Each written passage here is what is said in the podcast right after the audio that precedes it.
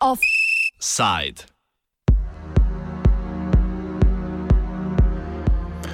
Samozaposleni prezentizem.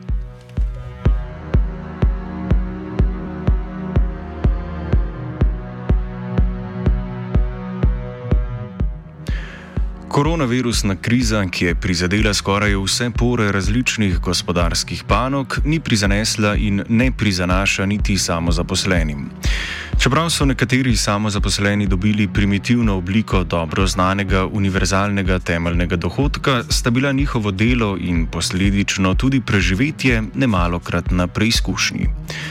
Samozaposleni pa se poleg koronskih težav soočajo še z dlje časa prisotnim problemom neurejenega področja njihovega bolniškega nadomestila.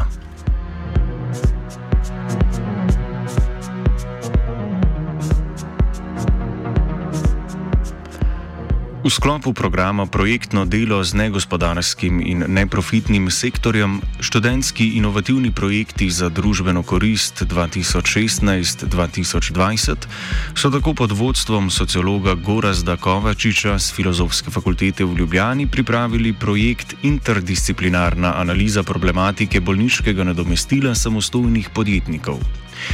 Projekt, pri katerem so poleg že prej omenjenega Kovačiča in strokovnega sodelavca operativca Dejana Navodnika iz Gibanja za dostojno delo in socialno družbo sodelovali študentke in fi, študenti filozofske, pravne, medicinske in ekonomske fakultete Univerze v Ljubljani, so včeraj ovenčali s tiskovno konferenco in zaključnim poročilom, ki so ga naslovili takole. Prezentizem in bolniško nadomestilo samozaposlenih. Če komu ni jasno, kaj prezentizem sploh pomeni, naj vas razsvetlimo. Sprotni slovar slovenskega jezika 2014-2017 prezentizem opredeli kot prisotnost na delovnem mestu kljub bolezni.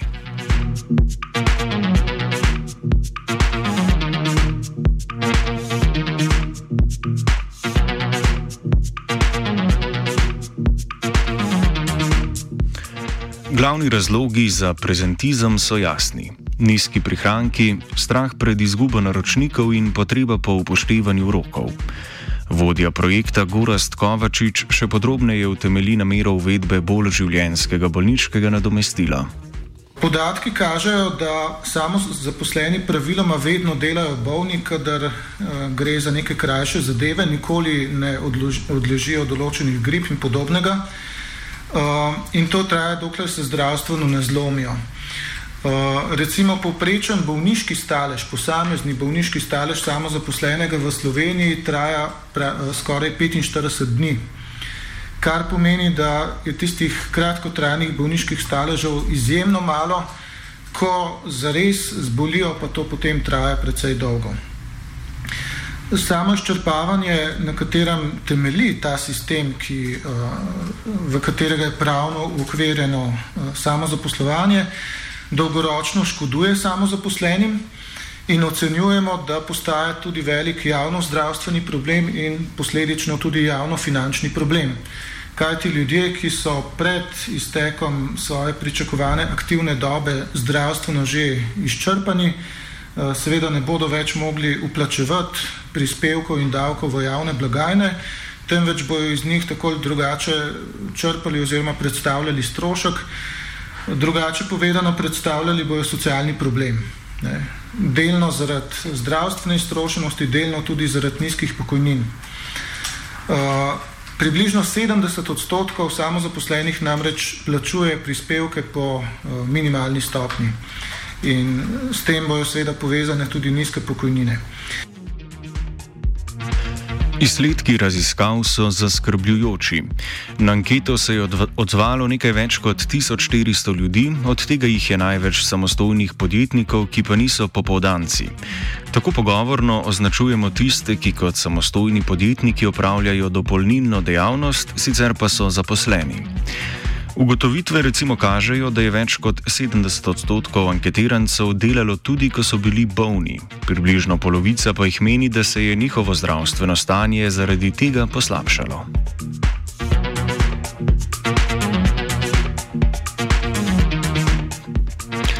Zaključno projektno delo vključuje tudi sistemsko rešitev problema prezentizma. Predlog uvedbe novega obveznega zavarovanja, ki bi ga izvajal Zavod za zdravstveno zavarovanje Slovenije. Sedaj je ta pravica urejena izredno neugodno, saj si morajo samozaposleni prvih 30 dni bolniške odsotnosti sami plačevati bolniško nadomestilo, obvezne prispevke in ostale stroške. Predlog bi z novim predlaganim obveznim zavarovanjem kril bolniško nadomestilo bodi si od četrtega, bodi si od šestega dneva bolniške odsotnosti vse do 30. dne, ko nadomestilo po trenutni zakonodaji začne kriti država. Več opiše Kovačič. Uh, izračunali smo, koliko bi stal mesečni prispevek uh, uh, za tako novo obvezno zavarovanje. Če bi bila čakalna doba na nastop zavarovalnega kritja bolniškega nadomestila tri dni, se pravi, če bi bilo kritje od vključno četrtega dne dalje, bi tak prispevek uh, stal, mislim, da sem tu številki zamešal, bi tak prispevek stal 25,63 evrov. V primeru kritja od šestega dne bolniške odsotnosti naprej bi pa prispevek stal 16,32 evrov. Če seveda eh, govorimo o minimalni stopni prispevkov, ki jih danes plačuje večina samozaposlenih. Eh, ta izračun pokriva stroške samih bolniških nadomestil, ki smo jih izračunali na tisti obseg bolniških odsotnosti, kakršne imajo tisti, ki so zaposleni. In ta seveda je danes pri krajših bolniških eh, odsotnostih precej, precej večji kot pa pri samozaposlenih. Mi smo pa v ta znesek uračunali tudi morebitnih uh, stroškov, recimo uh, lastnih zdravniških izvedencev, ki bi jih, imela, ki bi jih imel Zavod za zdravstveno zavarovanje, če bi se v zakonodajnem procesu pokazalo, da je potrebno uh, ugraditi v sistem to varovalko. Nekateri samozaposleni pa si tega brškone ne bi mogli privoščiti. Predlog zajema tudi njih. Po ugotovitvah naše ankete je 18.600 samozaposlenih v Sloveniji v položaju, v katerem zaslužijo manj od minimalne plače in hkrati ne zaposlujejo drugih in hkrati niso ekonomsko odvisni. In naš predlog je, da naj za te ljudi za to petino samozaposlenih, ki so najbolj ranljivi, novi prispevek plača država, zato da se jih ne obremeni dodatno s še enim stroškom. In to bi lahko utemeljili kot državno naložbo v zdravstveno varstvo ene najbolj ranljive skupine na trgu dela in torej tudi kot naložbo v javno zdravje te populacije oziroma populacije nasploh na dolgi rok. Izračunali smo strošek v primeru um, kritja bolniškega nadomestila od vključno četrtega dne naprej, bi bil tak strošek uh, 5,7 milijonov evrov letno, v, v primeru kritja od šestega dne naprej bi bil pa 3,3 milijone evrov. Uh, Sveda, mi nismo imeli na voljo uh, zelo detaljnih podatkov iz, iz baz uh, Zavoda za zdravstveno zavarovanje dopuščamo možnost, da smo v tej oceni tudi nekoliko zgrešili. Aktuarski izračun bi verjetno pokazal neko natančnejšo številko, ampak um, red velikosti je približno tak in s tem smo hoteli pokazati, da ta problem ni ekonomsko zelo velik in ni ekonomsko nerešljiv ne predstavlja velikega bremena za državni proračun in ne predstavlja tudi velikega bremena za tiste samozaposlene, ki bi bili uh, dolžni ta prispevek plačevati sami. Thank you. Do obravnavanega predloga so se opredelile tudi nekatere organizacije. Gospodarski zbornici se denimo predlog zdi zanimiv in finančno izvedljiv, čeprav niso reprezentativni za zastopanje interesov samozaposlenih.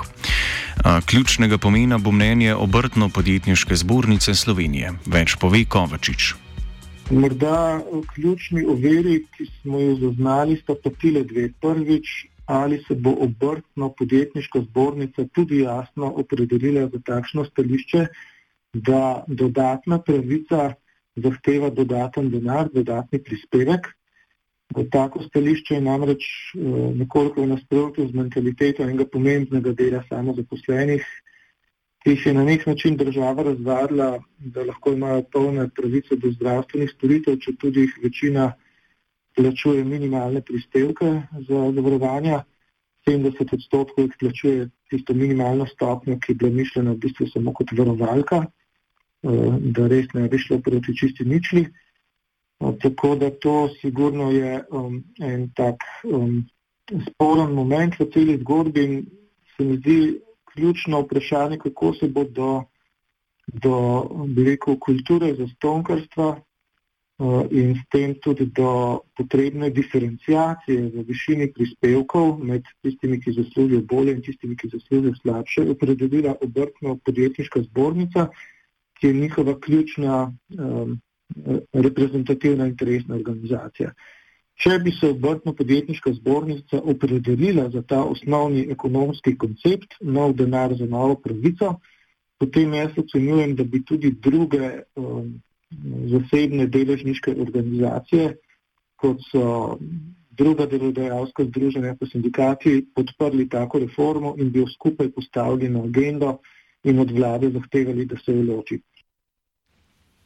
Zdaj na potezi politika. Gorast Kovačič. Eh, novo zavarovanje je torej ekonomsko izvedljivo, to je naše sporočilo in je potem takem predvsem vprašanje politične volje. Predvideli smo dve različici. Po eni bi uh, ohranili sedanjo zavarovalno osnovo tako, kot je, in dodali samo še uh, en obvezen prispevek. Uh, po drugi bi pa sočasno šli tudi v spremembo zavarovalne osnove po vzoru Avstrije, Tam je vsaj za en del samozaposlenih osnova, od katere se obračunava njihove prispevke, njihov dohodek, ne pa njihov dobiček, ki ga izkažejo ali pa ga ne izkažejo. Pri nas je osnova dobiček in dobička ne prikažejo, zato jih večina plača minimum. In ta minimum je za tiste samozaposlene, ki zaslužijo dobro, zelo ugoden in se ljudem v delovnih razmerjih pogosto smejijo. Za tiste, ki zaslužijo slabo, je pa veliko breme, teh 402 evra mesečno. Problematika samozaposlenih bo skoraj zagotovo še naprej aktualna. Vlade se nenehno menjavajo, politična nestabilnost po zemlji slovenski lomasti že 12 let, za takšne reforme pa je potreben čas.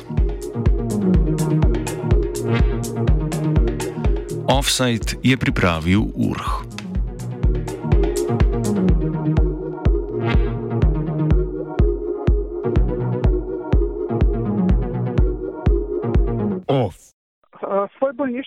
Staž, eh, kako je vse skupaj potekalo. Na bolniški sem bila šest mesecev, bi nekako upisala v štirih korakih, eh, kar je zaznamovalo eh, moje zdravljenje. In sicer prvi sem se soočila v bistvu z negotovostjo podaljševanja bolniškega staža.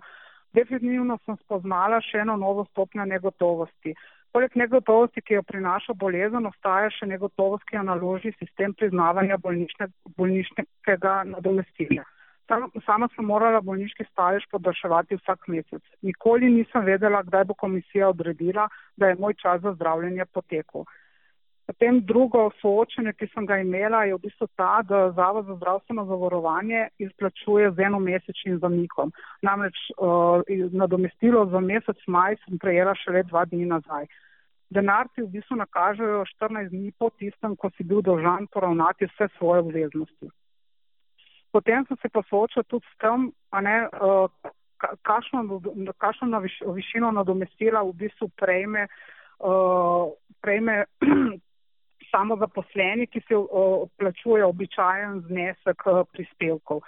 In sicer, uh, in sicer zdaj sem zelo dobro razumela, kako je v Ljubljani preživeti mesec s 550 evri. Poleg tega pa za izgorelost, za katero sem, uh, katera je mene onemogočila, da bi še naprej delala, uh, v bistvu obstajajo vse relevantne uh, terapije, so samo plaščiške. Sama si jih nisem mogla privoščiti. Izgorelost v Sloveniji ni priznana kot bolezen. Veliko jih v primeru izgorelosti pade skozi sistem že na samem začetku, ker ne dobijo ustrezne obravnave in diagnoze. To je bil ob nastopu mojega bolniškega staleža v bistvu moj največji strah. Po tej izkušnji bom naredila vse, da ne bom nikoli več bolela in tega ne rečem zaradi bolezni same, ampak predvsem zaradi sistemskih neugodnih okoliščin dokazovanja bolezni.